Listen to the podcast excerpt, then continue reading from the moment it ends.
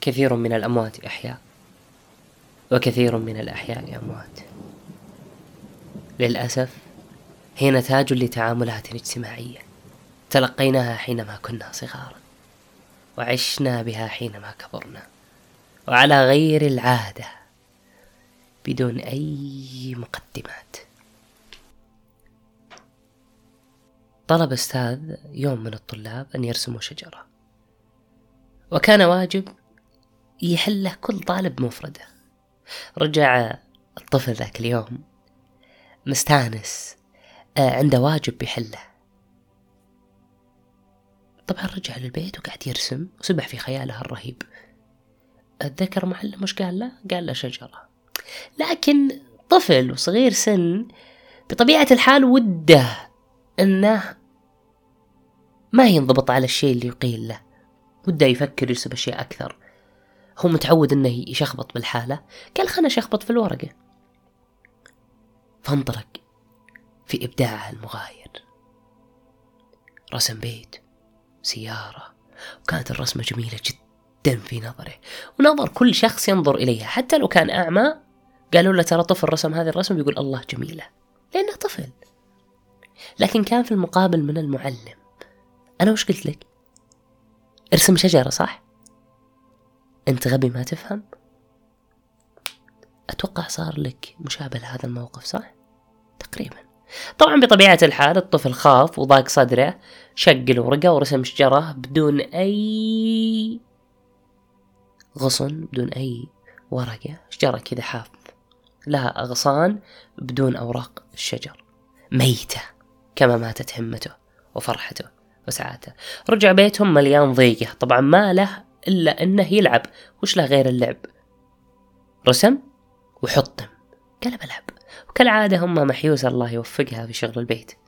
تعرف طبخ وحرارة زيت وتعب من أول الصبح تشتغل.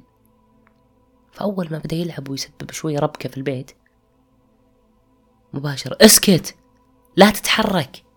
خليك مثل أخوك هادي! هو قاعد يناظر. سكت. ما صار يتحرك. صار هادي مثل أخوه. هنا بدأ هو يموت وهو حي. في وقت واحد. هو حي لكنه ميت. في ذات الوقت. ليش مات؟ ليش سكت؟ لأنه عايش تحت ضغط التقييد والقمع ونتج عنه شخصية مكتومة مقيدة. نهايتها معروفة هذه الشخصية إذا استمرت كذا. زي الوردة اللي كانت ملفتة بكل تفاصيلها لكن انتهت لعدم سقيها واحتوائها فأصبحت سوداء لا شكلا يسر ولا رائحة تفوح ولا حتى تسمى وردة. طيب لنفرض إنك أنت الشخص اللي في القصة فوق. فرضيا يعني فرضيا. مرت عليك هذه الظروف. سكتوك. معلمينك سكتوك أهلك آه، أصدقائك محيطك مجتمعك كلهم كلهم قاعدين يقمعونك قاعدين يقيدونك. هل بتقدر تناظر هذه الظروف وتموت وأنت حي؟ لا. أنت ما خلقت عشان تكون زيادة عدد. ترك ما ولدت عشان تكون رقم زيادة عشان يعطونك رقم أحوال عشان تكون شخص تعيش لكي تأكل وتشرب. لا أنت مولود عشان تعيش بالشكل الصحيح تكون عنصر فعال في حياتك. مو بلازم يجي شخص يحرك مو بلازم يجي شخص يقول تحرك ترك أنت غلطان. مو بلازم يجي شخص ينتشلك من هذا المكان.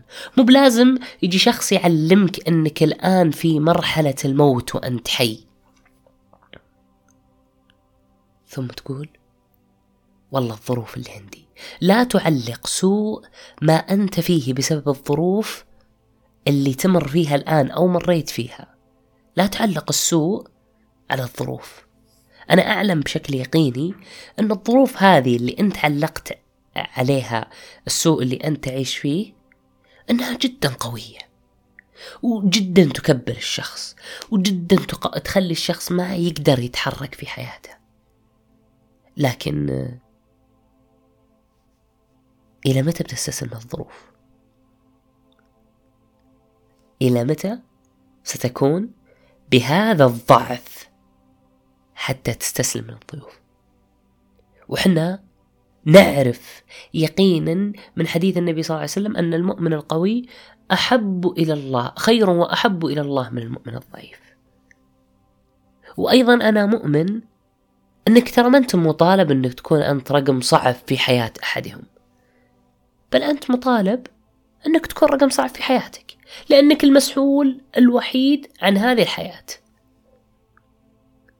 طب يجي سؤال. أنا كيف أحيا بعد ما أجبرت على الموت حيا؟ مجتمع أو مكان أو بيئة أو سنوات أجبرتني على الموت على أني ما أفتح عيوني على أني ساكت. كيف أحيا؟ كيف أبدأ أشتغل؟ كيف أبدأ أطور من نفسي؟ أعطيك الحل بشكل بسيط. جيب ورقة اقسمها نصين واكتب اسمك في النص الأول لنفرض اسمك فهد. تمام؟ النصف الأول اكتب فهد الإنسان. ثم اكتب ليش فهد الإنسان هذا صار كذا.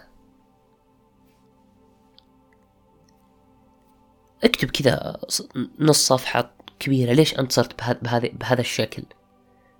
طبعا بوجهة نظرك أنت بسبب الظروف لكن اكتب كل الظروف هذه ليش اللي خلتك تصير كذا. ثم النصف الثاني اللي أنت آه، تاركه اكتب فهد وش يبغى يصير؟ وكيف يبغى يصير كذا؟ ثم شوف هل أنت تقدر تتغير. من ليش صرت وكيف بتصير؟ هل أنت تقدر تغير وتنتقل هذه النقلة النوعية؟ إذا كانت الإجابة لا تراك أنت قاعد الحين تضيع وقتك. لأنك أنت ما أنت مقتنع أنك أنت بتصير أو تقدر تصير. أما إذا كانت الإجابة نعم لا أبشرك أنت ما تقدر تضيع وقتك قاعد تحاول. لكن في شيء لازم تنتبه له وانت في مرحلة المحاولة هذه والتغيير. انك تبي تتغير بتحبة حبة. خطوة خطوة. خلنا نعطيك شيء بسيط ومنهج نبوي. النبي صلى الله عليه وسلم أول ما بدأ الإسلام كان يقول يا يا جماعة أنا بدعوكم إلى شهادة أن لا إله إلا الله وأن محمد رسول الله. يوم أرسل معاذ بن جبل لليمن قال يا معاذ إنك ستأتي قوم من أهل الكتاب فأخبرهم أن شهادة لا إله إلا الله ومحمد رسول الله فإنهم أطاعوا لك. يا معاذ ابدأ معهم حبة حبة. لا تبدأ بكل شيء لا ابدأ معهم حبة حبة. كان النبي صلى الله عليه وسلم يمسك عائشة بنت أبي بكر يقول لها يا عائشة لولا حداثة قومك بإسلام لهدمت الكعبة وبنيتها على قواعد إبراهيم. بس هم حديثين لازم نبدأ معهم حبة حبة. النبي صلى الله عليه وسلم بدأ بطرح الدين ترى حبة حبة. حتى أن الخمر شفتوا الخمر؟ المنكر اللي اللي ميزنا الله عز وجل كمسلمين إحنا ما نشربه. ترى ما حرم إلا في المدينة. حتى أن بعض الصحابة يقول يوم نزلت آية تحريم الخمر المدينة كلها صارت تسبح بالخمر. فما بالك بأمور في حياتك لك عشرين سنة أنت قاعد تسويها أو مجبر إنك تسويها. وترى من الطبيعي إنك أنت تتغير ثم ترجع للخطأ اللي أنت كنت فيه. وهذا شيء طبيعي لأن عقلك يرجعك. على عادة أنت كتسبتها ومع الوقت والتكرار والمحاولة راح تقاوم كل ما تمر به. لكن أهم شيء لازم تحاول.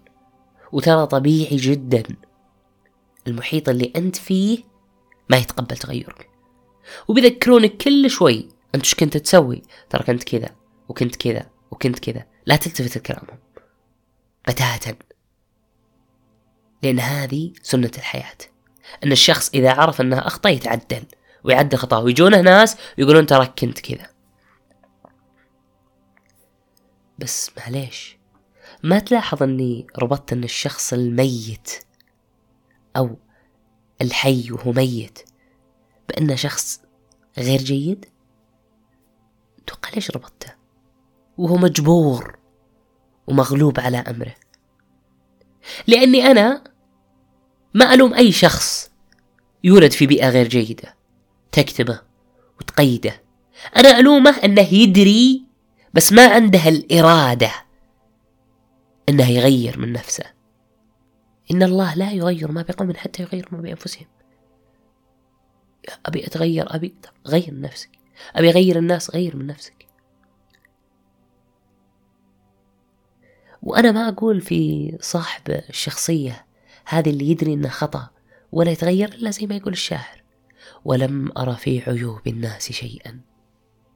كنقص القادرين على التمام. الرسالة اللي قبل شوي كانت كلها للشخص.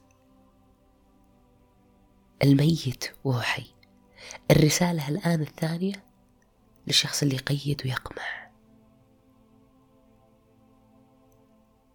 كم هدمت همة شاب وشابة كانت عنان السماء ثم هدمتها بكلمة لم تلقي لها بال.